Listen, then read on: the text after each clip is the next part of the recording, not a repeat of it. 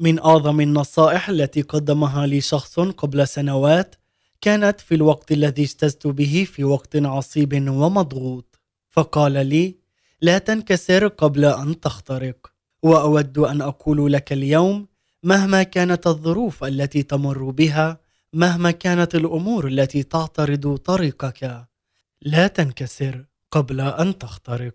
أفكر عادة بشعب إسرائيل عندما خرجوا من مصر ووقفوا أمام مياه البحر الأحمر المالحة بينما كان فرعون وجيشه من خلفهم.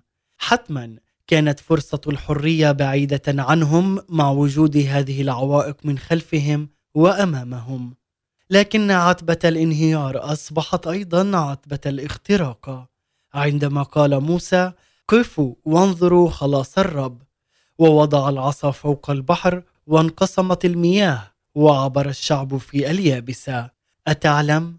ربما نفس الشيء. يمكنه أن يحصل معك في هذه الأيام ورغم الأوضاع التي تتعامل معها. فلا تنكسر لكن اخترق. محبتي لك وصلاتي من أجلك ألقاك مجددا ضمن برنامج دقيقة من فضلك.